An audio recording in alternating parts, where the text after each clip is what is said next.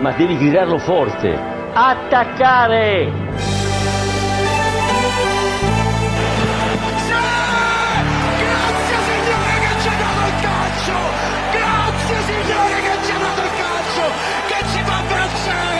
abbracciami Fabio, abbracciami, abbracciami, abbracciami, che ci fa vincere!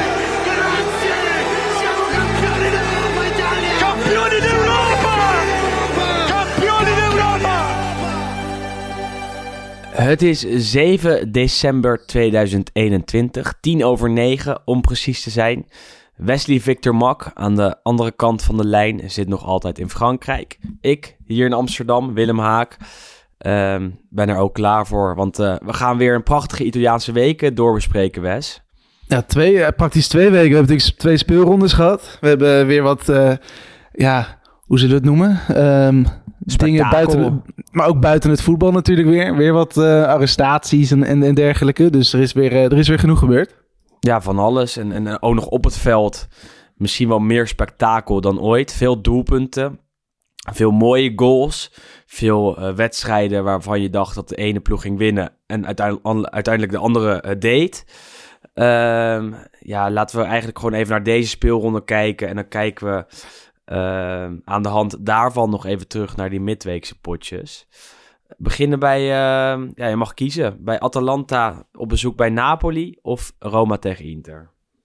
Laten we dan Atalanta-Napoli doen. Of Napoli-Atalanta was het natuurlijk. Ehm, denk ik toch wel in ieder geval een wedstrijd met de mooiste, de mooiste goals. En misschien ook wel sowieso een van de betere wedstrijden die we natuurlijk dit seizoen hebben gezien. Absoluut. Ehm, ook gewoon alleen al van...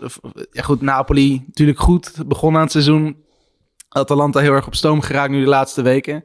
Maar het was, het was wel een feestje om naar te kijken, moet ik eerlijk zeggen hoor. Ook qua goals, want het begint eigenlijk al na zeven minuten, waarbij het doel van Zapata diep wordt gestuurd, hem eh, nou ja, knap bij zich houdt en hem teruglegt op eh Malinowski. Ook nog in België actief geweest, hè? daar ben je altijd meer, eh, meer van dan ik. Bij, bij Genk, dacht ik. Bij Genk, zeker. En nou ja, in Italië door de jaren heen toch uitgegroeid door tot een van de beste middenvelders van, eh, van de competitie, denk ik. In ieder geval. En natuurlijk zeker qua afstandsschoten. is. Ja, nee, zeker qua afstandsschoten. En als hij goed is, dan is hij ook altijd echt goed. En dat was hij ook nu tegen Napoli, want hoe hij hem weer afmaakt is fantastisch. Ehm, uiteindelijk komt Napoli nog wel voor. Doelpunten van Zielinski, Mertens 1-1 en eh, 2-1. Maar ja, dan eh, draait het eh, toch weer helemaal om. Demiral met een eh, prachtig spitse doelpunt. Die hem echt eh, door het net heen joeg. En Freuler maakte vijf minuten later de 2-3. Atalanta daar winnend bij Napoli. Is het dan eh, zorgwekkend voor Napoli? Of zou je zeggen, ja, ze missen zoveel spelers. eh, met Koulibaly, Ruiz, Insigne, die natuurlijk waren uitgevallen tegen Sassuolo. Anguissa, Osimhen al eerder er niet bij eh, tegen Inter geblesseerd geraakt. Ja, wel- welke kant zou jij het opredeneren? Ja, goed. Aan de ene kant zou je natuurlijk zeggen... het is wel een beetje zorgelijk... dat je nu natuurlijk de laatste weken wat punten verspeelt. Zeker als je zo goed aan het seizoen bent begonnen. Maar goed, wat je zegt, er zijn zoveel afwezigen... dat je het ook bijna niet kunt, ehm nou, kunt rooien. Ze speelden nu natuurlijk dit weekend met Mario Rui op het middenveld... in plaats van een Anguissa of een, of een Fabian Ruiz. Ja, dat, ik denk dat dat natuurlijk wel heel veel zegt over de situatie daar. Hoe, hoe ja, nijpend het eigenlijk is met al die blessuregevallen. Zeker. Maar- Ja, kijk, we, we moeten ook niet ontkennen. Het is natuurlijk wel gewoon 38 wedstrijden. En het gebeurt zelden natuurlijk dat er een ploeg eh, aan het einde van de rit bovenaan staat. zonder heel veel punten te hebben verspeeld. Ehm, het is natuurlijk wel eens gebeurd in die periode dat Juve negen keer kampioen werd. Dat ze een keer een seizoen niet verloren, bijvoorbeeld. Maar dat zijn natuurlijk echt unieke dingen. En ja, ik denk dat het, eh, als je ook nu een beetje het begin van het seizoen zo volgt. Zijn natuurlijk Milan en Napoli heel goed begonnen. Maar die hebben de laatste week ook punten laten liggen. Nu, juist recentelijk is Atalanta en Inter die natuurlijk weer een goede, goede reeks te pakken hebben. Dus zo zal het waarschijnlijk ook de rest van het seizoen een beetje doorgaan totdat we op 38 duels zitten. Maar ja, en ik denk ook zeker van een Atalanta wat al vier keer op rij had gewonnen. Waaronder tegen, eh, tegen Juventus uit bijvoorbeeld. Ja, ja. Het, zijn natuurlijk niet, eh, het is niet dat ze dit verliezen van een Salernitana. Dan zou het zorgwekkender Nee. zijn. Kijk, deze wedstrijd kun je eventueel verliezen. Ja, precies. Lachen. Nee, maar, maar je hebt gelijk, want eh, Atalanta liet het ook echt zien. En, en, en, laat echt steeds vaker en steeds meer zien. Absoluut tot die Scudetto-kandidaten te behoren. Want het was nu ook weer dat, je, dat ze toch achterkomen. En dan denk je, kom op. Want je eh, speelt Napoli, vond ik, eh, in de eerste helft weg. geef je toch weer snel weg, waardoor uh, Zielinski en Mertens kunnen scoren. En, en, en, dat is een beetje het punt waarop Atalanta het vaak laat afweten. Aan de ene kant dat ze aan het begin van het seizoen veel punten verspelen. Aan de andere kant dat het altijd toch wel een beetje vrijblijvend blijft. Uh, en dat komt mede omdat ze aan het begin van het jaar communiceren. Niet voor de titel te willen gaan, maar zich te willen handhaven. Dus er staat ook niet echt druk op wat betreft die, die, die, die landstitel. En ik vind dat je dat best wel vaak terugziet in dit soort potjes dat ze dan toch misschien wel uh, iets te veel blijven aanvallen of iets, iets te, te vrijblijvend uh, actief zijn. En, en, en dat zag je nu ook weer dat ze het achterkwamen tegen Napoli. Maar de omslag die ze kunnen maken en die ze de afgelopen jaren niet zo vaak konden maken, is dat ze toch weer terugkwamen en dan toch weer met 2-3 winnen nu. En, en dat maakt voor mij misschien wel dat Atalanta op dit moment misschien wel uh, een, een, echte titelkandidaat is en, en echt kan gaan meedoen om die titel. Al zeggen we dat wel elk jaar, hè? Ja, dat is natuurlijk wel een jaarlijks uh, terugkerend fenomeen. Het is wel natuurlijk qua punten heeft Gasparini het nu dit seizoen volgens mij beter dan in zijn voorgaande, wat was het, vijf seizoenen. Um, we zitten in ieder geval nu 2000 dagen, zag ik uh, gisteren of eergisteren. Um, maar goed, ja, kijk, het, het is natuurlijk wat, wat, wat, jij zegt.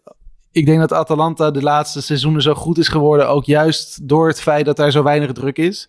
Dus dat je ook als een um, ja, dat je niet per se elke week hoeft te presteren om wel gewoon een goed seizoen te draaien. Als een soort middenmotor in de ja, top, zo gaan, zo gaan ze natuurlijk. Een beetje, het is een beetje qua mentaliteit is het wat, wat middenmotorig. Terwijl het qua voetbal natuurlijk wel gewoon de top, uh, tegen de top aanschurkt. En ik denk dat dat wel een, een, Ja, dat is. Lijkt mij gewoon de volgende stap die ze moeten zetten. Om ook gewoon als. Ja, middenmotor mentaliteitsclubje, zeg maar. Maar dat willen ze um, helemaal niet. En nee, maar dat, dat is dus. Dat is dus nee, precies, maar dat is wel opvallend inderdaad. En ook gewoon. Ik denk dat dat ook wel een van de redenen is waarom ze het iedere keer toch een klein beetje af laten weten. Soms in die grote wedstrijden tegen kleine ploegen. Um, ja, dat is wel denk ik het eerste wat moet veranderen. Want ik, maar, ik denk als je daar gewoon tegen zegt van wij zijn Atalanta. Wij voetballen nu al eigenlijk al jaren als een van de leukste ploegen van Europa. Wij gaan gewoon komend seizoen vol voor die titel gaan. Ja, nee, ik denk precies. dat dat, zeker ook met de spelers die er nu zitten. Die natuurlijk ook gewoon echt intussen wel wat ervaring hebben bij de club. En ook wel wat druk gewend zijn zou je zeggen van nou, er moet wel meer in zitten dan wat er nu de eigenlijk de laatste jaren uit is gehaald. Want de potentie is er. Maar aan de andere kant ligt daar de kracht misschien ook wel hoor. Dat spelers zoals uh, Koopmeiners, De Roon, Hatenboer en dergelijke ook juist kunnen presteren. Doordat die uh, mentaliteit daar op, op die manier is. En doordat het niet een, een, een grote Italiaanse topclub is waar je uh, moet presteren. Nou goed, het gaat het, het, ja, het mes snijdt aan twee kanten natuurlijk ja, een beetje. Maar ja, maar ja, wat je, wat je ook ziet, en, en, en dan kijk je naar de selectie. En die is zo ontzettend breed. Want tegen Napoli kunnen Hatenboer, Ilicic, Pasalic, Muriel en Jim City invallen. En dat zijn stuk voor stuk spelers die ook bij uh, zeker een groot deel van die andere Italiaanse topclubs... Uh, in ieder geval mee zouden kunnen draaien om, om uh, minuten te kunnen maken. en die ook zeker in het geval van Muriel, Pasalic en Ilicic ook vaak, vaak zouden maken, denk ik. Uh, al zou Ilicic denk ik misschien wel overal een invaller zijn. En dat is hij nu ook wel bij, uh, bij Atalanta. Um, meest indrukwekkende prestatie aan Atalanta-kant? Van Zapata of van, van Demiral? Of misschien wel van iemand anders? Ja, ik, ga dan toch voor Demiral wel. Ook gewoon vanwege het feit dat hij natuurlijk als centrale verdediger daar een bal afmaakt alsof hij een volleerde spits is. Waar ik altijd wel, wel, wel, goed op ga. Maar ook gewoon, en daar kregen we volgens mij ook al een kijkersvraag over. Um, of Juventus hem bijvoorbeeld niet te vroeg had laten gaan of te makkelijk had laten gaan. Um, en ja, het is natuurlijk een beetje dubbel. Uh, ja. Ook vanwege het feit dat natuurlijk bij Juve spelen natuurlijk Bonucci en Chiellini en De Licht. Waardoor je vaak toch de vierde naam bent. En als je dan zo achteraf weer ziet hoe vaak Bonucci en Chiellini recentelijk ook weer geblesseerd zijn, dan zou ik zeggen van hou lekker die Demiral erbij, zeker vanwege zijn leeftijd. Maar, want... maar dat is vanuit, vanuit de club beredeneerd. Want als ja, jij Demiral absoluut. bent en je kan basisspeler zijn bij Atalanta of, of vierde centrale verdediger bij Juve, ja, dan, dan is de keuze, ondanks dat Juve natuurlijk nog steeds gewoon een grotere en, en ook betere club is, wel snel gemaakt. Want uh, bij, uh, bij Atalanta is hij praktisch centrale verdediger nummer 1 op dit moment. Nou ja, dan, dan, nee, precies. En dat is ook natuurlijk de reden waarom hij die kant op is gegaan. En uh, ach, ja, het pakt voor hem ook weer heel goed uit, gelukkig. Dus ik denk dat Volgens mij zit er een optie tot koop bij die nog redelijk meevalt. Ergens tussen de 20 en 25 miljoen, geloof ik. Of een verplichting is dat zelfs, dacht ik eerlijk Dus gezegd. ja, waarschijnlijk als hij nu dit seizoen op deze manier afmaakt, dan kan, kunnen ze die deze zomer ook alweer verkopen voor 50 of 60 aan, eh, weet ik veel, een Premier League ploeg of zo. Nou ja, en, en als je naar, naar dit elftal kijkt van Atalanta, is het gewoon hartstikke goed. Op elke positie. En op elke positie is het ook dubbel bezet. En eh, vorig jaar had je nog een, een beetje een eh, zwakke plek in, in het doel. En dat is tegenwoordig ook opgevangen, want Musso is echt fantastisch. En eh, langzaam maar zeker wordt Atalanta steeds beter. En, en elk seizoen weer steeds meer een titelkandidaat misschien. Wel iets om in de gaten te houden. Aan de andere kant natuurlijk nog even Napoli, waar Dries Mertens het eh, de afgelopen weken fantastisch doet en, en weer scoorde. Eh, ja, is het dan niet zonde dat hij op de bank zit als Osimhen wel fit is? Ja, maar ik denk ook wel dat Dries natuurlijk ook de laatste tijd wel, of tenminste sowieso het afgelopen jaar, het was een schouderblessure geloof ik, dus hij is zelf natuurlijk ook niet altijd fit geweest. Veel En ik- gesukkeld. En ik denk ook wel dat, kijk, nu heeft hij weer eventjes het voordeel tussen aanhalingstekens dat Osimhen er niet is en dat hij zichzelf volledig kan laten zien. Maar ik denk als hij nu de komende tijd, als, eh, als er niet bij is, zo goed speelt, dan gaat, de, ja, natuurlijk, dan gaat Spalletti ook niet zeggen van, hé, hey, je wordt weer, je wordt weer eh, wisselspeler zodra Osimhen terug is. Dan moet hij gewoon een, een soort combinatie proberen te vinden tussen die twee. Want je kunt in goede vorm kun je denk ik ook echt absoluut niet om, uh, om Mertens heen hoor. Nee, ook niet qua, qua kwaliteit en qua, eh, qua effectiviteit. Dat is altijd zo fantastisch. Ehm, laten we doorgaan, Wes, naar die eh, andere topper. Want eh, het was een gala-voorstelling, hè? Roma Inter, je verwacht dan toch een beetje eh, tegenstand. Je verwacht natuurlijk van José Mourinho, is natuurlijk eh, ja, toch wel een Inter-legende. Ehm, ja, je verwacht dan eigenlijk natuurlijk, zou je zeggen, dat hij Inter ook gewoon wil kloppen. Dat hij nog even wil laten zien dat hij dan nog steeds gewoon ja, de Mourinho is, de special one. En dan sta je echt na 25 minuten 2-0 achter in eigen huis, terwijl het echt misschien al 5-0 had kunnen staan. Volgens Denzel Dumfries 0-3. Ja, het, is, het was echt een gala-voorstelling. Het was echt een wonder dat uiteindelijk het bij 0-3 bleef. Want ik denk als het weer, net zoals toen ze in, wat was het, in Noorwegen speelde, 6-1 verloren. Ik denk dat Ja, het zeker. makkelijk weer had gekund. Maar, maar jij zegt dan dat het, wat, wat ik me kan voorstellen hoor, dat het vooral aan de kant van Roma lag. Hoe, hoe slecht Roma was en dat ze echt niks, eh, niks ondernamen. Nee, het is een beetje een combinatie van de twee. Het is natuurlijk altijd van, ja, ben jij nou zo dom of ben ik nou zo slim? Kijk, In- Inter was gewoon echt heel goed. En ik denk dat pff, dit bewijs nog maar is dat Inter denk ik nog steeds wel titelkandidaat nummer 1 is. Ehm, maar goed, bij Roma kwam er nu ook niks vandaan. Maar het is net aan welke kant je het wil, eh, het wil zoeken. Jij wil waarschijnlijk naar de Inter is heel goed kant. Daar kan ik me ook heel goed in vinden. Maar het, het, het choqueert mij toch wel hoe dramatisch Roma ook kan zijn. En, en we hebben dat natuurlijk dit seizoen ook al wel een paar keer gezien. Maar juist in zo'n topwedstrijd en juist tegen de oude ploeg van Mourinho verwacht ik daar gewoon veel meer van. Maar, maar ze missen wel ook, net als Napoli natuurlijk, wel een aantal spelers. Karstorp geschorst, Abraham geschorst. Allebei midweek zijn gele kaart gepakt tegen Bologna. Eh, nog wat blessures. Eh, Spinazzola er natuurlijk nog altijd niet bij. Nog wat andere namen die ontbraken. En, daar gooide Mourinho nat- natuurlijk na afloop weer op. Eh, kijk, in normale vorm of normale staat is Inter beter dan wij, zei hij. Maar in zo'n situatie is Inter veel beter dan wij. Ehm, kan je daar dan wel een beetje in vinden? Of is dat weer zo'n slap excuus van Mourinho... waarvan je denkt, god, eh, het is wel de zoveelste keer... Dat hij, dat hij het op de zwakte van zijn selectie gooit. En ondertussen heeft hij wel VR, Majoral, eh Diawara en dergelijke op de bank zitten. Ja, goed, eigenlijk is het een beetje hetzelfde verhaal als bij Napoli. Ehm, tuurlijk, als jij heel veel afwezig hebt en schorsing hebt in, eh, in dit geval...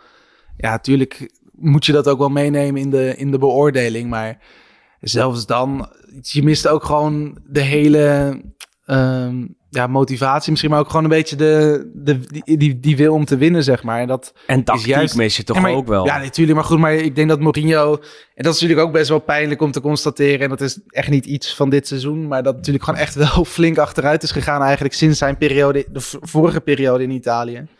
Hij heeft toen natuurlijk bij, bij Real Madrid heeft hij nog prijzen gepakt. Maar Mhm. eigenlijk is het toch wel een beetje, ja, als een nachtkaars aan het uitgaan. En hij kan nou, meer dan dat. Het is, het is volledig ja, gedoofd. Als een, als een, als een ja. emmer water eroverheen gegaan na, na die tijd bij Real.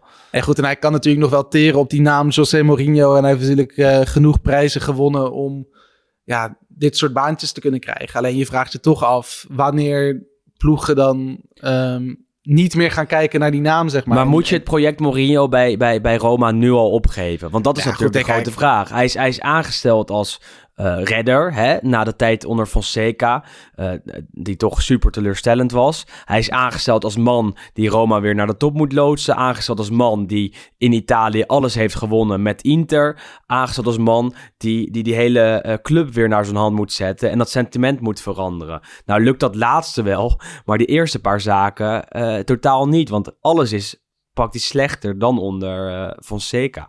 Maar, moet je dat dan nu al opgeven? Want dat is natuurlijk ook de grote vraag. Ik, ik vind dat echt twijfelachtig. Nou, ja, ik denk dat dat nu inderdaad wel te vroeg is. En eigenlijk hetzelfde. We hebben natuurlijk vorige week even over Allegri gehad. Dat is eigenlijk ook het begin van weer een nieuw soort project. wat dan een, een club is gestart. En eh, volgens mij Mourinho ligt ook nog vast tot 2024. Ja, Dus het is natuurlijk ook niet iets dat je zegt, we gaan dat nu al doen. Ehm, alleen ja, het is natuurlijk wel, je hoopt iets van ver- verbetering te zien. En, en goed, we zijn er nu natuurlijk, wat is het, 16, 17 wedstrijden bezig. Dus het is natuurlijk ook echt nog wel vroeg. Maar ik denk wel dat, ehm, ja, als het inderdaad op deze manier doorgaat, dan gaat Roma denk ik ook niet in die top 5, top 6, eh, top 6 eindigen. En Ze zal, dan zal de club al. inderdaad wel al natuurlijk eh, zijn conclusies moeten trekken aan het eind van het seizoen. absoluut. En dan eventueel wel Mourinho moeten ontslaan of weet ik veel wat het plan dan zou Maar- zijn. Maar, goed, het probleem is... Nee, natuurlijk, maar het probleem is ook gewoon dat er niks beters bes- beschikbaar is, denk ik, op dit moment. En dat helpt natuurlijk dat soort trainers wel een beetje. Maar het, het is, ze hebben acht keer gewonnen in het Serie A. één keer gelijk gespeeld, zeven keer verloren. Nou ja, dat zijn echt, echt schrikbarende cijfers na, na, na 16 speelronden. Zeker voor een club als Roma, eh, waar ze toch eh, voor die top 4 willen gaan. Moeten gaan, denk ik zelfs, om de selectie toch weer te kunnen verbeteren. Eh, ja, wel, wel echt pijnlijk eigenlijk. En, en ook wel iets om in de gaten te houden. Want stel, het gaat nog veel slechter de komende, tij, komende tijd. Nou ja, we hebben het dit jaar in de eerste paar afleveringen gehad over Roma als mogelijke Scudetto-kandidaat. Nou, Dat, deed lijkt heel lang geleden. dat, dat lijkt heel lang geleden. Vorig jaar hebben we die vragen ook vaak gekregen. En toen, eh, toen ging het ook nog uiteindelijk totaal mis. Dat was zonder Mourinho. Maar ja, het is toch weer elke keer een beetje hetzelfde stramien dat ze daar volgen. Aan de andere kant natuurlijk Inter, waarbij we nou ja, aan het begin van het seizoen ook veel, eh, ja, veel negatieve verhalen hebben gehoord. Ook van onze kant. Natuurlijk de drie beste spelers eh, kwijtgeraakt. Twee verkocht. eh Eriksen eh, natuurlijk om andere redenen er niet meer bij. De trainer vertrokken. We, we zeggen het elke keer, maar toch wel elke keer belangrijk om te benadrukken. Want als je dat ziet, als je ze ziet spelen tegen, tegen Roma zaterdagavond, zou je dat totaal niet verwachten. Nee, goed, dat hebben we vorige week een beetje, een beetje gezegd. Dat, het, het spel is ook gewoon ehm, veranderd in de zin dat het veel meer naar eh, proactief voetbal is gegaan in plaats van reactievoetbal en countervoetbal wat het onder Conte was. Het En is je ziet dat. Ja, je ziet ook gewoon dat het deze selectie heel goed, eh, heel goed ligt. En het scheelt natuurlijk ook wel dat je, ja, voetballend gezien, ook gewoon letterlijk voetballend gezien in de zin van pasen, eh paaszuiverheid, diepe ballen.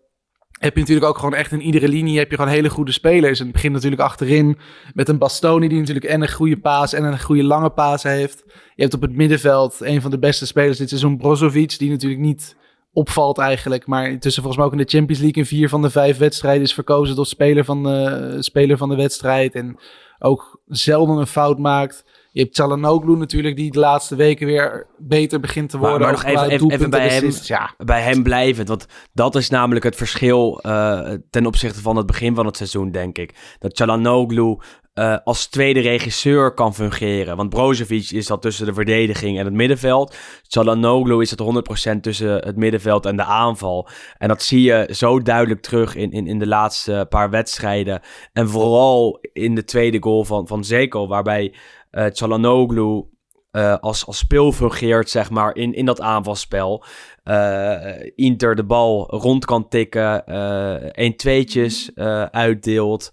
En dwars door het hart van de verdediging van Roma snijdt. Waarbij Çalhanoğlu telkens de man is die daar ehm, bij betrokken is. Samen met natuurlijk wat andere namen. Maar hij kwam telkens terug aan de bal. Legde hem uiteindelijk terug op Zeko. En Zeko maakt af.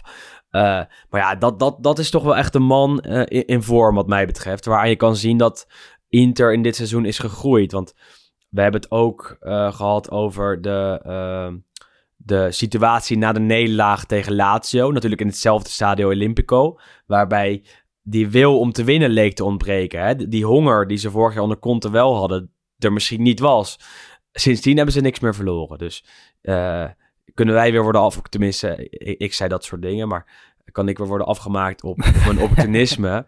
maar uh, in zo'n zo seizoen verandert de situatie zo vaak. En ja, als je dit Inter ziet... Ik, ik zag een paar fans op, op, op Twitter en, en ook in de media langskomen en dat waren nog geen fans, maar journalisten natuurlijk, die zeiden, ja, dit Inter speelt misschien wel beter dan, dan de afgelopen 10, 15 jaar, hè? Uh, esthetisch gezien.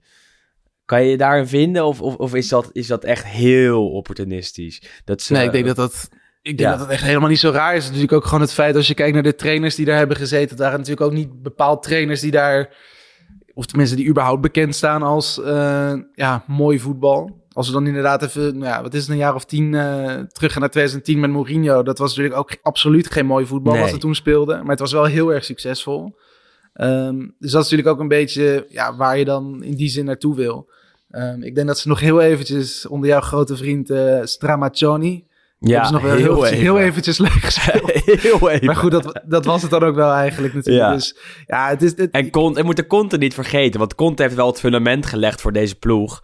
Alleen het is niet zo dat Conte uh, uh, mooi voetbal liet zien met Inter, denk ik. Af en toe wel. Nou goed, ja, het ligt er een beetje aan hoe je het ligt er een beetje aan hoe je het wil klas, ja, klassificeren natuurlijk. Want op zich dat, dat verdedigende wat onder komt nou niet super verdedigend is, maar gewoon het, het defensief denkende en het counteren, dat kan ja. natuurlijk ook heel mooi zijn. Alleen, helemaal eens, ja. Zeg maar hoe wij Nederlanders tenminste vaak ja, voetbal ja, ja, omschrijven. Ja. goed, dat is toch een beetje de Ajax-manier, de Barcelona-manier, 4-3-3, combinaties, lopende mensen. Ja, dat zie je nu eigenlijk pas voor het eerst echt in een hele lange tijd zie je dat terug. Het mooiste verschil is, is tussen twee goals. Want vorig jaar won uh, Inter natuurlijk met, met 0-3 bij uh, Milan tegen Milan. Wat een belangrijke wedstrijd was in de strijd om die Scudetto, die, die Inter dus uiteindelijk pakte. Met een prachtige counter waarbij iedereen betrokken was. Ze echt in een transitie uh, uh, die goal konden maken. Waarbij Lautaro uiteindelijk uh, scoort naar een mooi overstapje van Eriksen. Of naar een voorzet van Eriksen misschien. Nee, overstapje van Eriksen. Voorzet van Perisic, dacht ik. dat was de mooiste goal van dat seizoen. Maar als je nu kijkt naar de mooiste goal van dit seizoen. Is dat die van Zeko. Waarbij Inter rustig opbouwt, rustig aanvalt, tikt. rustig de tijd neemt en zelf aanvalt. En dat is het verschil tussen het spel onder Inzaghi van dit seizoen en het spel onder Conte van vorig seizoen. Uh, en het, ik zeg helemaal niet dat het spel van Inzaghi tot de Scudetto gaat leiden, maar het is wel uh, mooi om te zien, leuk om te zien. En, en ook ik ga denk ik zeggen dat ik Inter misschien nog nooit zo mooi heb zien voetballen. In de tijd dat ik, dat ik ze elke week uh, aan het werk heb gezien. Um, maar nee, nu, voel me wel, nu voel me wel een grote opportunist. Uh, laatst over Inter. Zijn zij nu echt Scudetto-kandidaat nummer 1? Echt absoluut en, en, en, met kop en schouders? Of uh, rekenen we dan buiten Milan en, en Napoli en Atalanta? Ja, goed. Ik denk nog steeds dat Inter gewoon ja, titelkandidaat nummer 1 is. Want je hebt bij Inter de minste um, ja, twijfelgevallen, wil ik het niet noemen. Maar je hebt daar de minste dingen op aan te merken, denk ik. Gewoon over, het, over de gehele breedte. Want je hebt natuurlijk bij Napoli dat de selectiebreedte niet 100% goed is. En die zitten met blessures. Ik vind bij Milan nog steeds, ja, gevoelsmatig. En natuurlijk, ze doen het hartstikke goed, want ze staan natuurlijk ook weer bovenaan. Maar gevoelsmatig mist daar toch ook iets. En bij Atalanta, waar we het net natuurlijk over hebben gehad, die, daar ontbreekt dan misschien juist die kampioensmentaliteit. En ik denk dat bij Inter is eigenlijk alle drie die dingen die zijn wel aanwezig. Ze hebben de kampioensmentaliteit. Ze zijn tenslotte kampioen geworden. Spelers zijn goed en selectie is heel sterk. En je merkt ook aan alles dat die voetballen met heel veel vertrouwen en, en overtuiging en, en tactiek die erachter zit. Dus wat dat betreft denk ik dat Inter wel gewoon als een echt als enige ploeg dit seizoen denk ik gewoon echt het complete plaatje heeft. En, en, daar zie je dat iedereen kan wegvallen. Want de Vrij heeft de afgelopen paar wedstrijden gemist. En dat waren een paar van de beste wedstrijden van het seizoen. Uh, en dat heeft niks met de Vrij te maken, maar meer met de kracht van de breedte van de selectie, denk ik.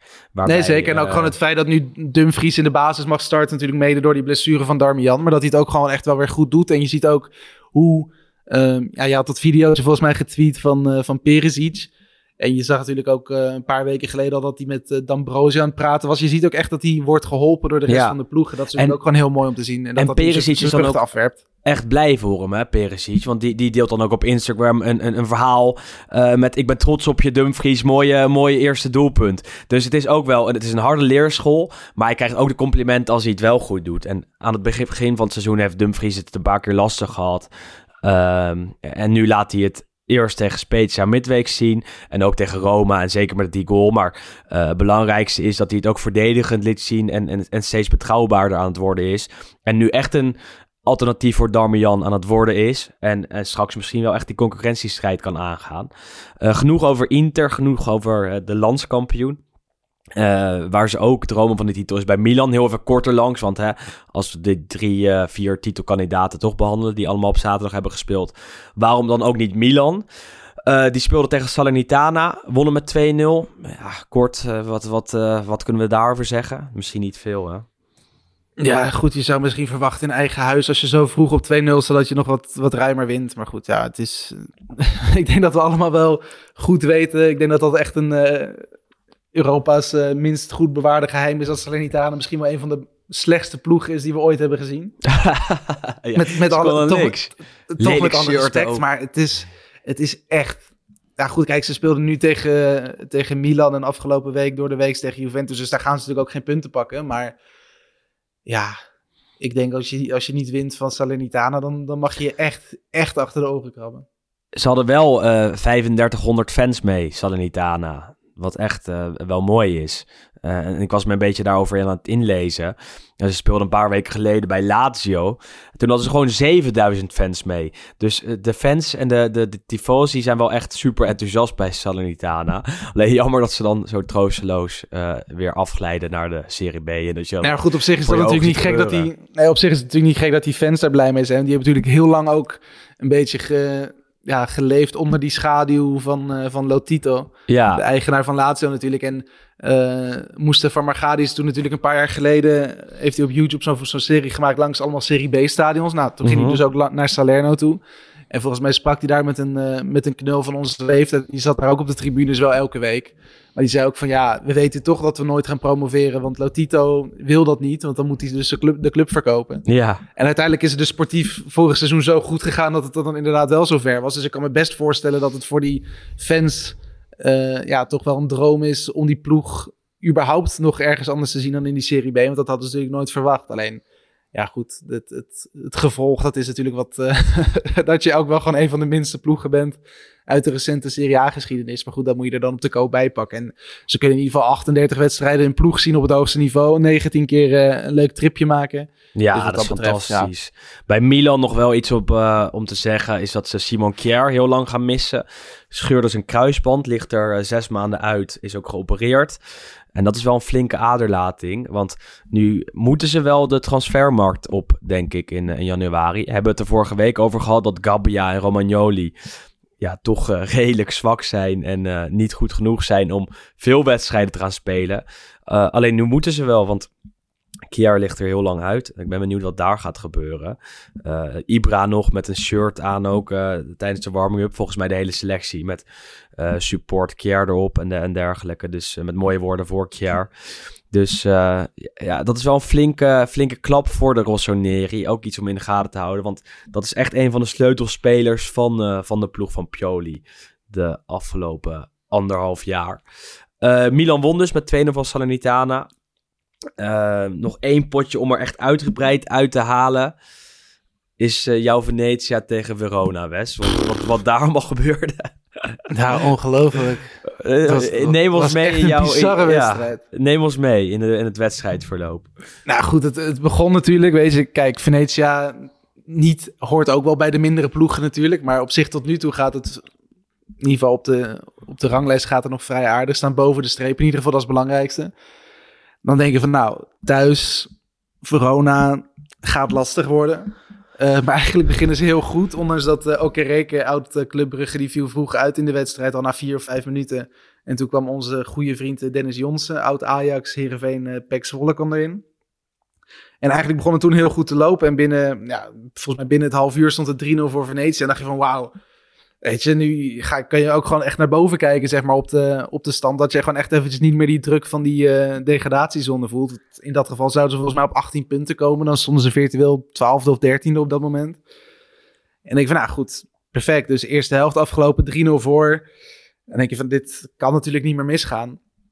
En eigenlijk voor de tweede keer dit seizoen bij de tegenstander slechte corner. En Thomas Henry, die ook zelf scoorde overigens. Maar de oudspits van, uh, van Leuven, die staat daar bij die eerste paal. En die kopt voor de tweede keer dit seizoen kopt hij die bal achter zijn eigen keeper. En dan weet je, als je al zo vroeg in de tweede helft in ieder geval nog één doelpunt tegen krijgt, dan gaat Verona natuurlijk ook er weer een beetje in geloven. En ja, wat er daarna gebeurde, dat was natuurlijk, uh, het sloeg alles. Totale was, uh, insorting. Ja, maar gewoon ook mentaal klapte alles blijkbaar al. Want op een gegeven moment de voorzet en de bal werd richting doel gewerkt. En Ceccaroni, toch wel de, een van de betere spelers van Venetië, centrale verdediger. In plaats van dat hij die bal met zijn hoofd wegkopt, denkt hij, ik, ik, ik gebruik mijn arm er ook nog even bij. Maar hij kon er niet echt bij, toch? Ja, ik weet het niet. En volgens mij stond er net naast hem stond er nog eentje. Dus ik, Mhm. mm -hmm. ja, je zou zelfs misschien zeggen van uh, laat hem gewoon gaan. Um, maar goed, ja, dan krijg je natuurlijk echt de zwaarste straf als je met je hand uit het doel werkt. Want dan krijg je en een rode kaart en een penalty tegen. Ja. Dus dat is nog dommer, want dan kan je beter gewoon direct heen laten gaan. Want dan heb je in ieder geval nog elf man op het veld staan. Uh, nou goed, penalty ging erin. Caprari. En een minuut later Simeone gelijk alweer met de 3-3. Dus dan denk je van ja goed, nu is het ook gewoon klaar. En dan is het inderdaad hopen dat die laatste er niet invalt.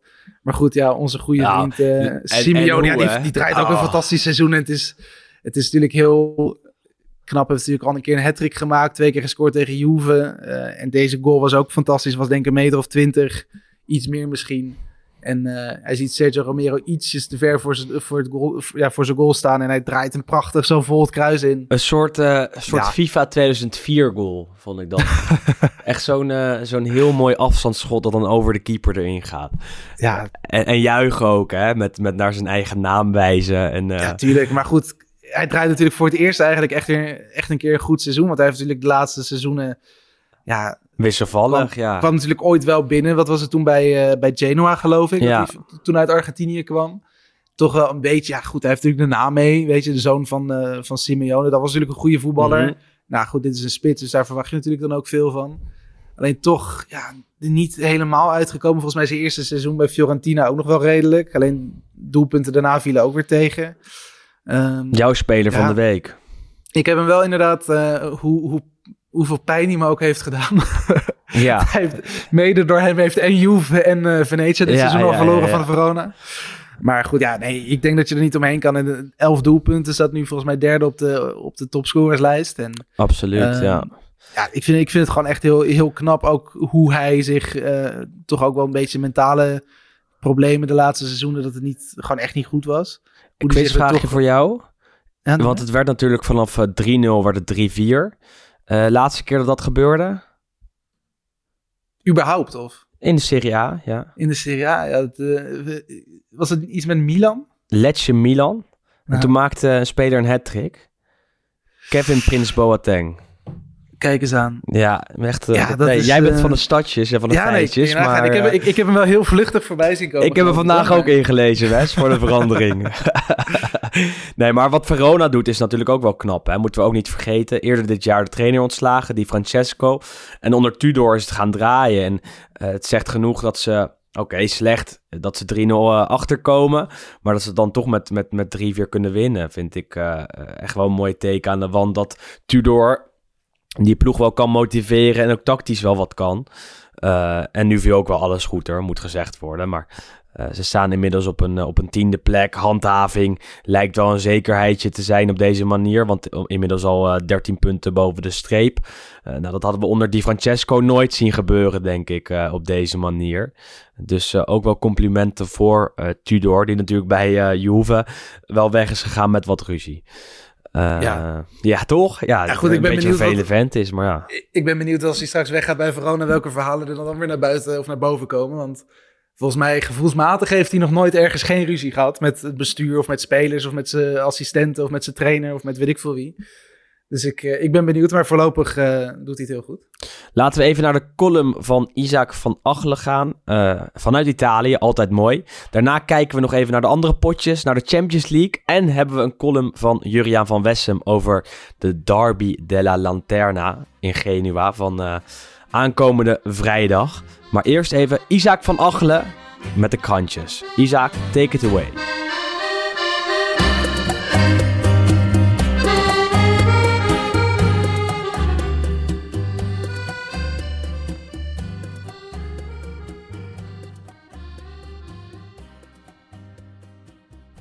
Buongiorno amici sportivi. Hoe vaak moeten we nog horen? Als er een doelpunt valt, gaat de deur op slot. 1-0 en de bus wordt geparkeerd. Of het voetbal in Italië is saai. Ik weet niet hoe het bij jullie zit, maar ik word daar altijd enorm moe van om de Serie A te verdedigen. Je kunt ook beter de televisie aanzetten of lekker streamen, dan kun je zelf zien hoe leuk deze competitie is. En ja, ook deze week was het weer genieten. Geen één wedstrijd eindigde in een bloedeloze 0-0 of een saaie 1-0. Roma-Inter 0-3. Napoli-Atalanta 2-3. Bologna-Fiorentina 2-3. Met als klap op de vuurpijl Venezia-Verona 3-4. Maar in de krantjes gaat de focus uiteraard meer naar de wedstrijden in de Champions League. Vanavond om 9 uur staan Milan Liverpool en Real Madrid Inter op het programma. Canta Milan, incanta Inter, staat er op de voorpagina van de Gazzetta dello Sport. Wat betreft Milan, la spinta di San Siro per gli ultimi 90 minuti. Leao KO, tutto su Ibra. Ma vincere non può bastare. Dipende pure da Porto Atletico. Klopp fa turnover. Milan moet winnen, maar is afhankelijk van de wedstrijd Porto tegen Atletico Madrid. Ook in Tuttosport wordt er een oproep gedaan aan Ibrahimovic. Vai Ibra wordt er gekopt. Inter is reeds door naar de achtste finales, maar gaat voor de winst in de groep. Inter è già agli ottavi, ma se fa l'impresa, passa da primo. Vamos Inter, kopt Tuttosport. Verder op de prime pagina aandacht voor Massimo Ferrero, de ondertussen ex-president van Sampdoria. En in de Corriere dello Sport Francesco Totti. Una Roma senza campioni. L'ex capitano difende i Fritkin e Mourinho. Vogliono farci sognare. En verderop in de krant wordt er alweer met name gesmeten wat betreft de mogelijke versterkingen komende winter. Vooral veel aandacht voor Roma op dit vlak. Aarons, Tolisso, Zaccaria, Dalot worden genoemd. Maar ook Marcos Senesi. Mocht Kum- Kumbula vertrekken. Ik smacht alweer naar de transferperiode. Ook omdat ik trouwens troosteloos onderaan sta met Fantacalcio. Dit weekend verloor ik een hele saaie wedstrijd. Met 4-3. Fate. Alla prossima. Isaac noemde het natuurlijk al eventjes. Veel, eh, veel nieuws, ook bij Sampdoria. Daar komen we zo meteen nog even te spreken, over te spreken. Eerst even naar Bologna-Fiorentina en eh, wat andere potjes. Even kort, denk ik. Ehm, ja, Bologna-Fiorentina, half één. Ook een derby. De derby del Appennino, van de Apennijnen. Eh, ja, je kan alles wel een derby noemen, maar goed, dat was bij, eh, bij Bolo- Bologna-Fiorentina wel echt het geval. En die wordt ook wel een beetje gevoeld. Ehm, was wel een lekker potje toch, op zich. Ja, zeker. Gewoon natuurlijk start van, start van de zondag. Dus dat, die, die wedstrijden doen het altijd goed. Ehm, en er stond op, op zich ook nog echt wel wat op het spel. Want voordat eh, de speelronde begon, stonden en Bologna en Fiorentina en Juventus allemaal op evenveel punten. Ehm, dus ik heb er ook met de schijnoog naar gezeten. Een klein beetje met mijn vinger in mijn... eh, Hoe zeg je dat? Met mijn vingers eh, gekruist gezeten om te hopen dat het een gelijk spel werd. Want dan was Juve er voorbij gegaan s'avonds. Dan met je vinger in je Ehm. neus dat je dat ging zeggen, maar dat... eh, nee, dat, dat viel mee. Dat viel mee. Ja, goed, ik denk dat het wel twee leuke... Sowieso Fiorentina natuurlijk hebben we het al vaak over gehad. Maar Bologna heeft ook een paar eh, goede recente resultaten behaald. toen het echt door, aardig, eh, hè? Niet vergeten. Nee, maar zeker. En, en ja, we hebben het volgens mij af- allebei afgelopen zondag ook herhaald. Matthias Van Berg, Ja, middenvelder, Zweed. Kwam van, eh van Malmö een paar jaar geleden. En is elk, wordt ook gewoon echt met de week wordt hij beter. En eh, nu fantastische paas op de 1-1 van, eh, van Barrow. Ehm, doelpunt tegen het Roma van Mourinho, waardoor ze wonnen van Roma. Dus eh, ja, het, het, was een leuke wedstrijd. En ook lekker veel doelpunten, mooie goals. Eh Malé, oud Venetia, kopte de 1-0 binnen. Mhm. Eh, geweldige vrije trap van Biragi voor de 2-1. Met de Ja. dertiende na afloop van zijn goal van Astori. Astori. Blijft toch mooi. Waren ook teamgenoten bij Fiorentina. En bij het Italiaanse nationale elftal. En Biragi doet dat meestal als hij scoort. Dat hij dan toch even een teken maakt dat hij nog altijd aan Astori denkt. Natuurlijk een aantal jaar geleden overleden in zijn slaap als Fiorentina aanvoerder. Vind ik toch wel mooie momentjes dat zo'n, dat zo'n jongen dat toch blijft doen. En, en eh, toch blijft spelen in het teken. eh, of, of blijft spelen voor zo'n Astori. Eh, en uh, Vlaovic hè, met het pingel nog. Ja, ja Maar goed. Penalty is makkelijker dan... Maar Wes, die, Maar goed, die pingel ja. krijgen ze. Maar d- d- kom op. Toch? Wat, wat is dat nou? Wat, wat, wat doet Skorupski daar, de Bologna-keeper? Want Vlaovic stuurt iemand diep. Eh, volgens mij González. Eh, nou ja, dat, die bal komt via een kluts. Komt hij op de hoek van het eh 16 meter gebied terecht. González tikt hem aan. En Skorupski die gaat gewoon vol naar de grond en die tikt hem neer. En dat is echt iets wat je al vanaf 100 kilometer ziet aankomen achter de Appenijnen nog kan zien. Want ja, kom op. eh, natuurlijk een terechte penalty. Maar wat Skorupski daar doet, toch wel de afgelopen tijd geprezen. Vind ik zo dom en irritant altijd. Ja, natuurlijk. ik, ik, ik, ik- eh, wanneer was het? Chelsea speelde ook afgelopen weekend, geloof ik. Ja. Ehm, En daar dat je eigenlijk precies dezelfde situatie was volgens mij tegen West Ham. Toen kwam volgens mij Edouard Mendy ook uit richting de zijkant van het strafschopgebied. Dat je al denkt van, nou goed, die speler kan vanaf daar al helemaal niks. En die vloog er ook dan zo van achterin. En dan denk ik van, ja, waarom doe je dat in godsnaam? Ja, eh, eh, wij je- zijn geen je keepers wint- hè, voor de Nee, duidelijkheid. oké, maar tuurlijk ja, niet. Maar je wint er ook niks mee, zou je zeggen. Toch? Ga gewoon lekker, blijf gewoon lekker in je kooi staan. En, eh, ja, je verliest er alleen maar mee. Want, want die pingel was uiteindelijk goed voor de 1-3. Vlaovic scoorde hem. Zijn dertigste dit kalenderjaar. Daarmee in een mooi rijtje terechtkomend. Volgens mij maar vier andere eh, spelers die dat hebben gedaan of iets dergelijks, toch? Ja, zoiets. Het was maar een heel klein... eh, en dan moet je ook echt gelijk terug aan de jaren 30, 40, 50, 60 geloof ik. Dus het gebeurt inderdaad niet, eh, niet heel erg veel. Dus dat is, eh, ja, goed. Ik denk, het is uh, Vlaovic een van de meest begeerde spelers eh, van Europa. Ehm, niet voor niks dat hij ook altijd natuurlijk in de rijtjes wordt genoemd met, eh, met Haaland onder andere. Maar goed, ja, het is natuurlijk een beetje hoe duur hij gaat zijn. Hangt natuurlijk ook enorm af van hoeveel doelpunten hij nog gaat maken dit seizoen. Want natuurlijk, er zijn Atletico is genoemd, Tottenham is genoemd, Juve wordt genoemd. Maar als hij zo blijft scoren, dan wordt hij misschien zelfs voor dat soort ploegen wordt hij veel te duur. Ehm, maar goed, dat een topspits is, dat is, eh, dat is zeker. Absoluut. En dat, dat is eh, ook altijd een van de redenen waarom ik elke week wel naar Fiorentina wil kijken hoor. Om Vlaovic aan het werk te zien en dan toch te kijken hoe goed die echt is. We hadden op Twitter een mooie discussie, tenminste niet wij twee, maar met een aantal mensen. Wie dan de beste speler van de Serie A is dit seizoen tot nu toe. Eh, en veel mensen zeiden toch Vlaovic. Is dat een titel die jij aan hem zou willen toeschrijven? Of dat nog echt dan zeker niet? Nou goed, kunnen we niet doen, net zoals op de uitreiking voor de Ballon d'Or. Dan geven we die prijs voor Lewandowski voor beste spits geven aan Vlaovic. Ja, ja, ja. ja. En dan gaat de Ballon d'Or voorlopig nog eventjes, ja, toch, toch wel naar Brozovic, denk ik hoor. Ja, dat, dat denk ik dus ook, ja. Maar dat waren, daar waren niet veel mensen het mee eens, hoor. Dat Brozovic de beste speler was. Uh, maar we hebben het al veel over Inter gehad.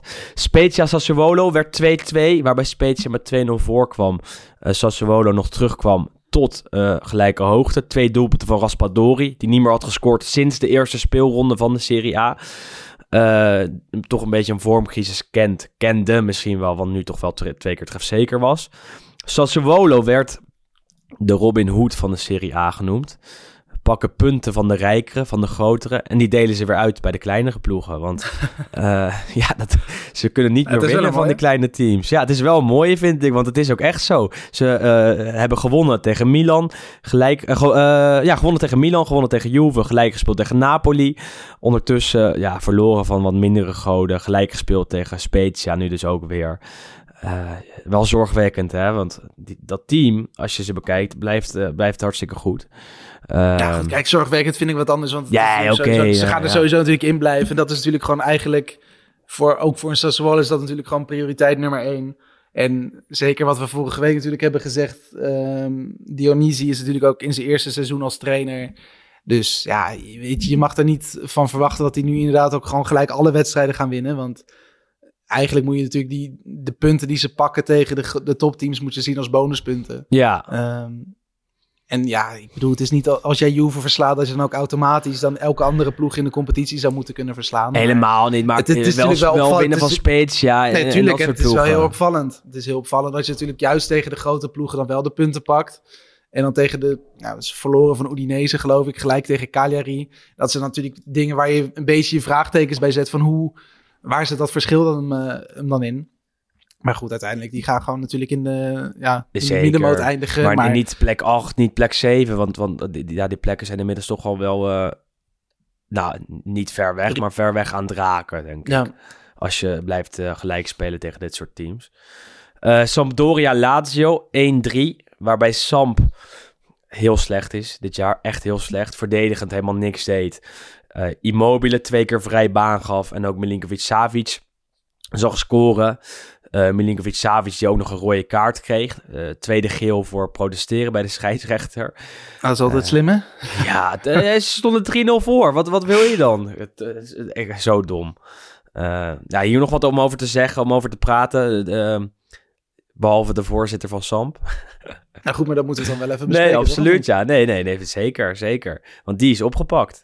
Ja, we hebben natuurlijk eh, in Genua lopen er aardig wat gekke eh, voorzitters rond. We hebben natuurlijk Preziosi gehad, die speelgoedfabrikant bij, eh, bij Genua. En die is nu officieel is die gestopt. Ehm, natuurlijk, ploeg is, is overgenomen door dat 777 Partners uit, uit Amerika. Dus daar zijn we vanaf. Want die hield ook gigantisch veel van ja, verkopen eigenlijk vooral. En van nieuwe trainers aanstellen. Echt gewoon een soort speelgoedfabrikant, weet je. Had En van in beeld zijn ook. Ja, nee, precies. En aan de andere kant van de, eh, van de stad heb je Massimo Ferrero. En dat is een, eh, ja, soort deels... Ja, wat, wat, wat doet die man eigenlijk allemaal? hij is eh, volgens mij filmproducent. Ja, dat dacht ik ook, hij ja. is... ja, hij doet echt alles. Ehm, maar hij is ook een gigantisch controversieel figuur. Niet alleen door wat hij doet, maar ook een beetje hoe hij eruit ziet, wat hij zegt, zijn gedrag. Wil ook Het veel is- in beeld zijn. Het is, ja, nee, maar het is toch echt een beetje een. Ja, ik weet niet met wie of met wat je hem kan vergelijken. Zodat we in Nederland misschien een mooie eh, comparison kunnen maken of zo. Maar het is een, echt, een- echt een gekkie. En ehm, ja, hij is nu opgepakt. Er werd dus, eh, wat was het gisteren of eergisteren, werd hij van zijn bed gelicht. Ja, eh, vanwege ja, financiële misdrijven. Dat is een beetje de algemene benaming. Niet, het had dus blijkbaar niks met Sampdoria te maken. Maar wel met wat enkele andere bedrijven die hij ooit is gestart in het verleden. Ehm, waar hij dus niet heel erg eh, goed mee is omgegaan. Ehm, en uit voorzorg, omdat hij niet wilde dat het op Sampdoria zou, eh, eh, terecht zou komen, heeft hij dus ontslag genomen. Ehm, ja, eindelijk. Een, een- paar maanden of misschien wel een paar jaar te laat, toch? En dan was dit Ja, de zich- directe aanleiding uiteindelijk. Ik denk dat dit voor de club is dit eerder een zegen dat, ze, dat, dat de Guardia die, die Finanza hem heeft opgepakt. Want ik denk Guardia Politia. ik denk niet dat hij er op een andere manier weg was gegaan bij die club. Dus op zich, ik denk dat dit voor de club zelf echt wel een, een soort zegen zou kunnen zijn. Ik, ik weet niet met wie ze hem, volgens mij hebben ze hem vervangen door Bosco. Die ken ik niet zo goed. Ehm, maar goed, ik denk al een iets serieuzere voorzitter. Die ook gewoon natuurlijk richting de buitenwereld wat serieuzer en wat professioneler oogt. Ik denk dat dat geen. eh, En, en de, de eerste stap die, die misschien wel gaat zetten als ze de, de, de derby verliezen aankomende vrijdag, is misschien wel het ontslaan van eh, trainer Daversa. Want eh, die, die staat al onder druk, stond al enorm onder druk voorafgaand aan het duel met Lazio. Verloren ze ook eh, uiteindelijk dus en stonden al 3-0 achter. Dan krijg je al tijdens eh, de wedstrijd een paar berichten dat dit de laatste wedstrijd van Daversa als trainer van Sampdoria gaat zijn. Dat eh, Samp voor eh Dejan Stankovic wil gaan als nieuwe trainer. Uh, maar uiteindelijk blijft uh, Daversa toch zitten, want Stankovic kon zich niet, uh, kon zijn contract bij Rode Ster Belgrado niet verbreken. Of tenminste, hij wilde daar niet per se Hij wilde ook niet per se weg. Nee, precies. Maar als ik hem was, zou ik het ook niet doen. Want als je kijkt naar wat er aan de andere kant van de stad gebeurt bij Genoa, waar natuurlijk uh, Stanko, of, Shevchenko is aangesteld. Uh, en onder hem hebben ze nog steeds niet gescoord. Dan zou ik ook nog maar even wachten als ik Stankovic was met uh, zijn stap naar het Italiaanse voetbal. Want bij Samp is er op deze manier ook geen eer aan te behalen, denk ik. Uh, het is echt slecht. Het is echt slecht. Verdedigend doen ze helemaal niets. Um, en het is ook niet verwonderlijk dat Lazio daar zo makkelijk overheen ging. Uh, over Genoa gesproken, ging op bezoek bij jouw Juventus. Uh, ja, een wedstrijd die heel erg eenzijdig was. Hè? Misschien wel 6-0 had moeten en kunnen eindigen. Ja, het is echt bizar dat het uiteindelijk maar 2-0 is geworden. Als je ook de kansen, het waren volgens mij 27 schoten, 12 schoten op doel. En dan Genoa heeft echt heeft niet eens geschoten. Dat was voor het eerst in uh, ja, minstens een jaar of 16, 17 dat het Juve overkwam. Um, maar goed, ja, het is wel echt schrikbaar. En wat je verwacht, normaal gesproken, natuurlijk nieuwe trainers, schokeffect. Shevchenko, grote naam.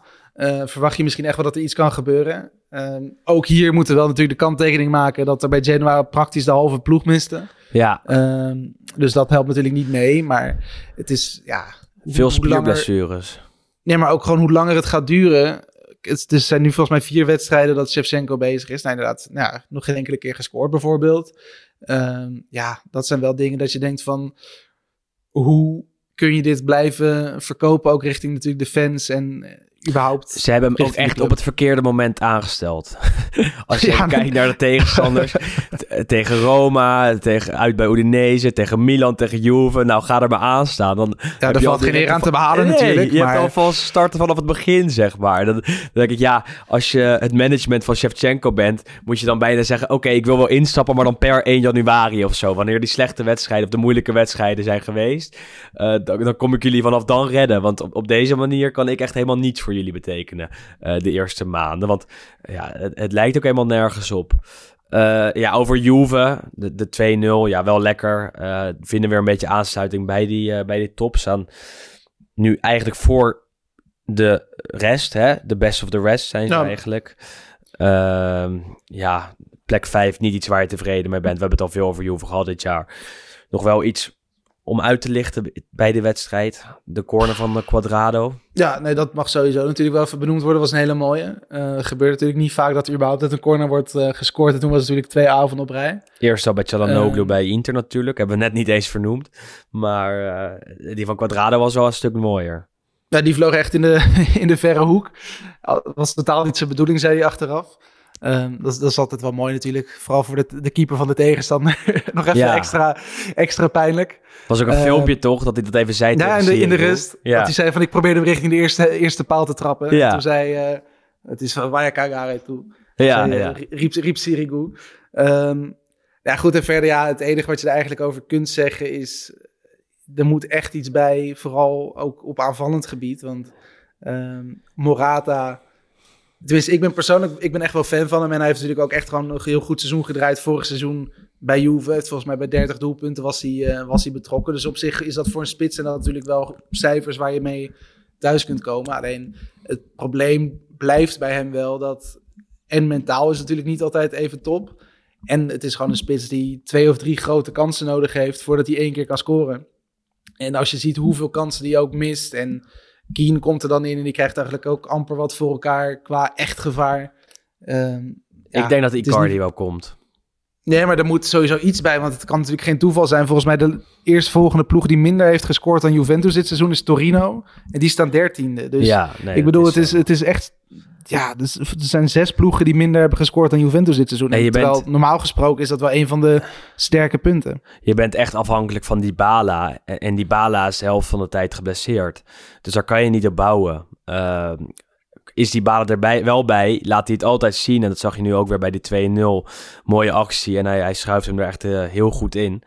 Uh, ja, dat is altijd mooi om te zien, maar ja, hij ontbreekt zo vaak en, en is zo vaak niet fit... dat er echt nog wel een andere uh, beslissende speler bij moet. Juve won, staan vijfde. gaan we wel weer een keer uitgebreid behandelen op het moment dat ze een mooie, belangrijke wedstrijd spelen. Empoli-Udinese maandagavond, 3-1...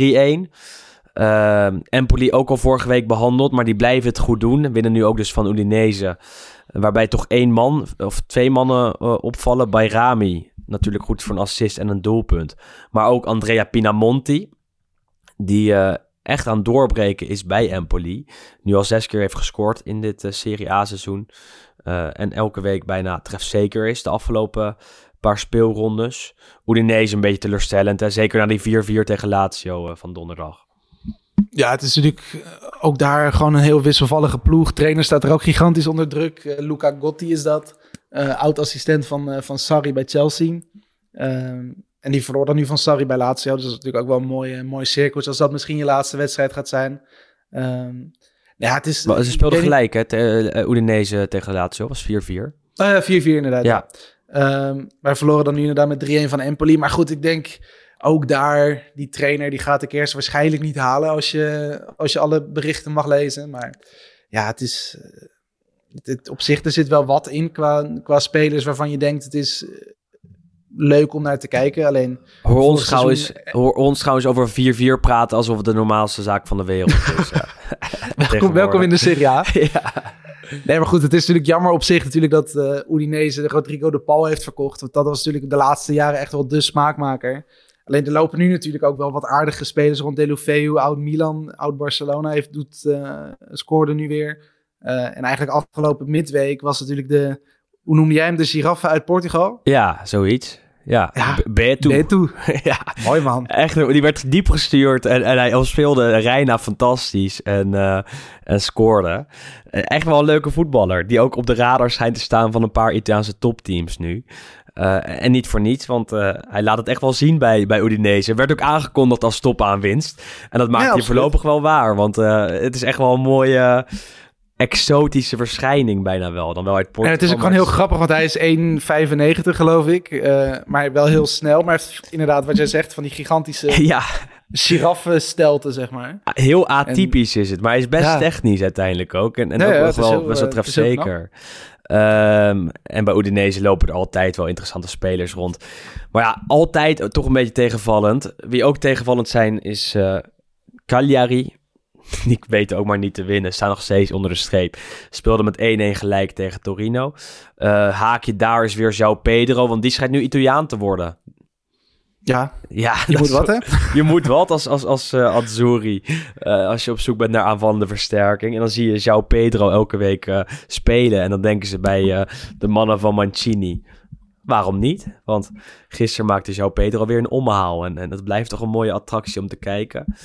Nee, op zich, het is natuurlijk ook niet heel gek gedacht. Ik bedoel, hij is, volgens mij is hij nu uit elkaar met die vrouw, maar hij is getrouwd geweest met een Italiaans. Dus dan heb je sowieso recht natuurlijk op een Italiaans paspoort. ja, Hij heeft natuurlijk nooit echt gespeeld voor de Braziliaanse ploeg. Wel volgens mij een paar, ik weet niet of dat vriendschappelijke interlands waren of jeugdinterlands, maar ik, ik er dook in ieder geval een paar foto's op in een, eh, in een Brazilië shirt.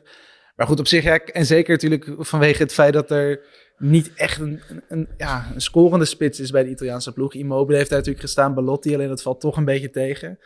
Ehm, ja, waarom zou je dan niet iemand nee, proberen die zelfs bij een hele slechte ploeg ieder seizoen tot 15, 20 doelpunten komt. Dus eh, het is, het is niet gek gedacht. Alleen ik kan me wel voorstellen dat het misschien van buitenaf een beetje een soort zwaktebot lijkt. Want goed, waarom zou je de spits van de nummer, wat is het, 19 Ja. als eh, ja, jouw eerste spits richting het WK, zeg maar, eh, gebruiken? Maar goed, ja, wel, wel een spits met, die vorig jaar goed was voor, voor 16 en het jaar daarvoor voor 18 doelpunten of andersom.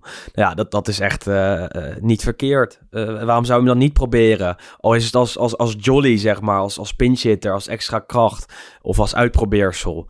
Ehm nou ja, Cagliari Torino werd 1-1. Torino veel eh, opgehemeld door ons dit jaar. Staan ondertussen ook wel op een dertiende plek. Dus zo goed is het ook weer niet daar. Ehm, ik stel voor dat we naar de column van Juriaan van Wessem gaan. Want we hebben natuurlijk eerst nog de Champions League.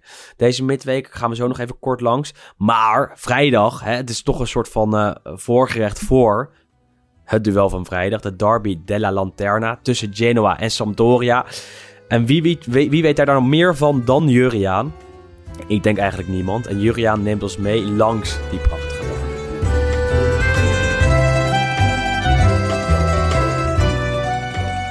Vrijdag is de derby van Genua vooral een duel van crisis en hoop. Het zal voor de eerste keer na twee jaar zijn dat beide rivalen uit de geboortestad van Columbus elkaar treffen met publiek. De potjes zonder publiek tijdens de pandemie telden niet echt mee. En dus zijn we gebleven bij de goal van Manolo Gabbiadini in de derby van december 2019.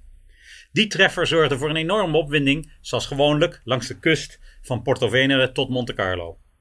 Dit keer wordt de Derby della Lanterna een duel in mineur, want beide clubs presteren matig. Genoa heeft al 13 wedstrijden op rij niet gewonnen en in dit seizoen niet eens één thuiswedstrijd. De oudste club van Italië scoorde voor het laatst toen Davide Ballardini nog trainer was. Onder zijn opvolger Andrei Shevchenko wist Genoa dus nog niet eens te scoren en haalde het maar één punt uit vier wedstrijden. Dat wordt voorlopig nog vechten tegen degradatie onder deze nieuwe trainer. Sampdoria doet het dit seizoen niet veel beter. Het realisme onder Claudio Ranieri is verlaten omdat voorzitter Ferrero het geld niet had om aan de wensen van die coach te voldoen. Onder de nieuwe trainer Roberto D'Aversa presteert de ploeg beduidend minder, maar er werden gelukkig nog wel vier wedstrijden gewonnen, waardoor de ploeg iets veiliger staat op de ranglijst. De vrees voor een degradatie in dit seizoen is enorm onder de Doriani. En dat heeft alles te maken met de wetmatigheid van de dubbele cijfers. In 1966, 1977, 1999 en 2011 degradeerde Sampdoria op 22 mei uit de Serie A. En volgend jaar valt 22 mei weer op een zondag en dus in het jaar 2022. Elke Doriani ziet de bui al een tijdje hangen. Vandaar ook dat ik Sampdoria voor de start van dit seizoen als een zekere degradant opgaf. De andere eis van deze wetmatigheid is dat Sampdoria altijd is gedegradeerd onder een kale coach. Wellicht is dan het handhaven van Roberto D'Aversa nog wel verstandig. Bij Genoa is meer de vraag hoe die club ooit in de Serie A is verdwaald. Door salonremises en cadeautjes van de stadgenoot wist het zich in de afgelopen jaren te handhaven. Maar op eigen kracht lukte dat steeds minder en als de ploeg plotseling wel goed draaide, werd ze meestal met de kerst ontmanteld door de voorzitter, zoals recentelijk nog met de verkoop van Piontek. Maar daar zou misschien nu eens verandering in kunnen komen, want sinds een maand heeft Genoa een andere eigenaar. Een Amerikaans consortium dat vooral ook zaken wil doen in de havenstad en in de omgeving van die stad. 777 Partners is de naam en de lijfarts van Silvio Berlusconi, Alberto Zangrillo, is de nieuwe voorzitter.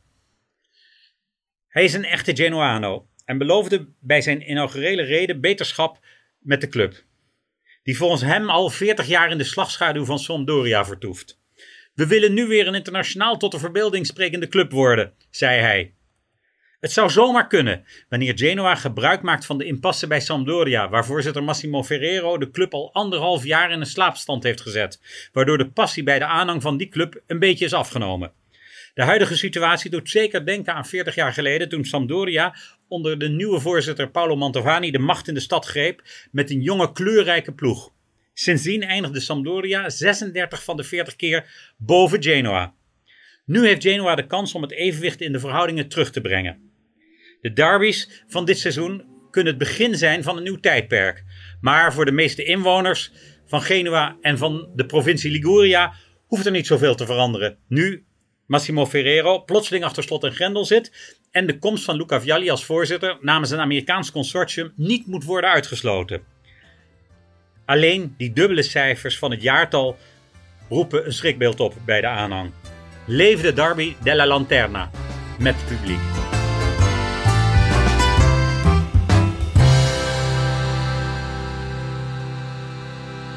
Is het dan echt een wedstrijd waar jij naar uitkijkt, Wes? Aankomende vrijdag? Genoa Samp. zeker op een vrijdagavond wel, denk ik. ja, goed geplaatst zeggen- dit keer. Nee, zeker. Nee, ik moet zeggen, niet elke wedstrijd. Kijk, het is natuurlijk heel, er is heel veel voetbal natuurlijk. Hè. We hebben de Nederlandse competitie, Belgische competitie. Eh, soms wil je nog wel eens een topper uit, eh, uit Spanje of Engeland meepakken als je, als je je dag niet hebt. Doe jij dat? Eh, heel weinig. Ja. Maar nou goed, kijk, eh, soms vallen dit soort wedstrijden vallen dan wel eens buiten de boot. Maar eigenlijk elke derby moet je gewoon opzetten. Ehm, kijk, als je een keer een Genoa tegen een Salernitana mist, ja, daar lig ik niet wakker van. Maar zo Samp Genoa, Genoa Samp, dat zijn natuurlijk wel mooie potjes. En ehm, ja, nee, het is altijd knokken, mooi. gele kaarten, doelpunten. Voetbal is nog- wel meestal slecht. Ja, het is verschrikkelijk, maar het is wel leuk om naar te kijken. Ook gewoon, het, het- is een beetje alsof twee, eh, ja, een beetje de lammen tegen de blinden, zeg maar. En dan krijg je, krijg je nee, maar oprecht, je krijgt er wel vaak een mooi, eh, eh, toch een leuk verhaal sowieso omheen. Maar ook Laat het Jury en dan Hans niet horen. De Nee, lammen ik- tegen de blinden. Maar goed, en aan de andere kant, want daar kregen we ook wat vragen over hoe ja, Genoa en Sampdoria nu natuurlijk de laatste jaren toch wel bezig zijn. Ehm, en zeker Genoa. Het is, ja, het is, het is wel schokkend. En, en ze staan eigenlijk ieder seizoen staan ze ook gewoon de helft van het seizoen staan ze onder die degradatiestreep. Dus ja. je zou op een gegeven moment zeggen van nou, nu moet dat geluk tussen aanhalingstekens dat ze daarin blijven, moet een keer uitgewerkt zijn. Ehm, en het zou best kunnen dat dit seizoen dan inderdaad het seizoen wordt dat ze degraderen. Want op basis van het recente verleden zou het natuurlijk helemaal niet gek zijn als, het, als het een keer misgaat. Zou tragisch zijn als ze onder Shevchenko eh, degraderen. Zou ik echt jammer vinden. Ja, natuurlijk, dat beetje dat gun je hem zijn ook niet, naam. maar- Ja. Ja, je, moet- je, je, moet ja, roeien met de riemen die je hebt. Maar als je geen riemen hebt, dan is het, eh, is het lastig roeien. En zoals gezegd is men bij, men bij Samp ook eh, bang voor degradatie. Al zal dat niet zo hard gaan, denk ik eerlijk gezegd. Eh, eerst even naar de Champions League potjes kijken. Want ja, daar zijn toch wel wat belangrijke duels voor de Italiaanse ploegen. Real Inter gaat om de eerste plek in de pool. Inter voor het eerst in tien jaar door naar de knock-out fase. Maar wil nu ook eerste worden in de pool. Moet dan winnen bij Real. Milan-Liverpool ook vanavond. Eh, Milan heeft nog een kans om door te gaan. Zei Isaac inderdaad al. Is dan wel afhankelijk van Porto tegen Atletico. Eh, en dan moeten ze zelf winnen van Liverpool. Juve Malmö morgen. Juve al door. Wel sowieso tweede toch, dacht ik. Achter Chelsea in die pool. Ja, ze zijn sowieso door. Alleen ze hebben natuurlijk verloren met die 4-0 van, Ja. van Chelsea. Waardoor het onderling resultaat met de Engelsen wat, eh, eh, wat slechter is. Hadden wel natuurlijk met 1-0 gewonnen in eigen huis. Dus ze moeten hopen dat Chelsea dan niet wint van Zenit uit. Ehm, dus ik hoop dat daar gewoon dat het morgen, eh, wat is het, min 20 is. Dat het veld onbespeelbaar is. En dat ze daar, eh, dat die Russen misschien een keer uit een, eh, uit een hoekschop eh, de 1-0 maken. Maar goed, ja, normaal gesproken wordt Juve gewoon tweede. Ehm, alleen ja, dat is dan toch best wel een teleurstellende ja, afloop misschien. Zeker als je ziet welke ploegen er in andere pools al eerste zijn geworden. Dan krijg je waarschijnlijk sowieso een Bayern München of een, eh of een Ajax. Bezoek. of een Ajax. Ja. Ehm, nou ja, dus dat is... eh, Revanche goed. zeg Ajax, dat, dat zit Ja. er best in hoor, denk ik. Eh, en Atalanta-Villarreal is ook nog eh, bela- belangrijk, want Atalanta kan nog door, moet dan ook wel winnen van Villarreal in eigen huis. Dus ja, het kan zeker. En, eh, dan hebben we ook nog de Europa League en de Conference League. Eh, iets minder interessant. Napoli heeft het daar lastig. Eh, Lazio moet ook eh, nog vol aan de bak. En ja, Roma in de Conference League ja, is niet echt een, een heel groot succesverhaal, maar ze gaan wel door. Natuurlijk wel 6-1 verloren van Bodo Klimt. Ehm, ik stel voor dat we nog wat luisteraarsvragen doen, Wes. En dan hangen we de microfoons weer aan de... Nou, niet aan de wilgen, maar voor een weekje Aan in de ieder geval wel aan de haak, inderdaad. Als jij Twitter doet, doe ik eh, Instagram weer. Even kijken. En sowieso, we zijn nu natuurlijk nog even bij die Champions League gebleven. Maar welke Italiaanse club zou het verste kunnen komen? Oh ja, we moeten de? Serie A. De Serie A van aankomend weekend zijn ook nog wel wat mooie potjes, maar niet fantastisch. Het is een beetje chaotisch, dat komt door mij. Venezia Juve is heel interessant, natuurlijk.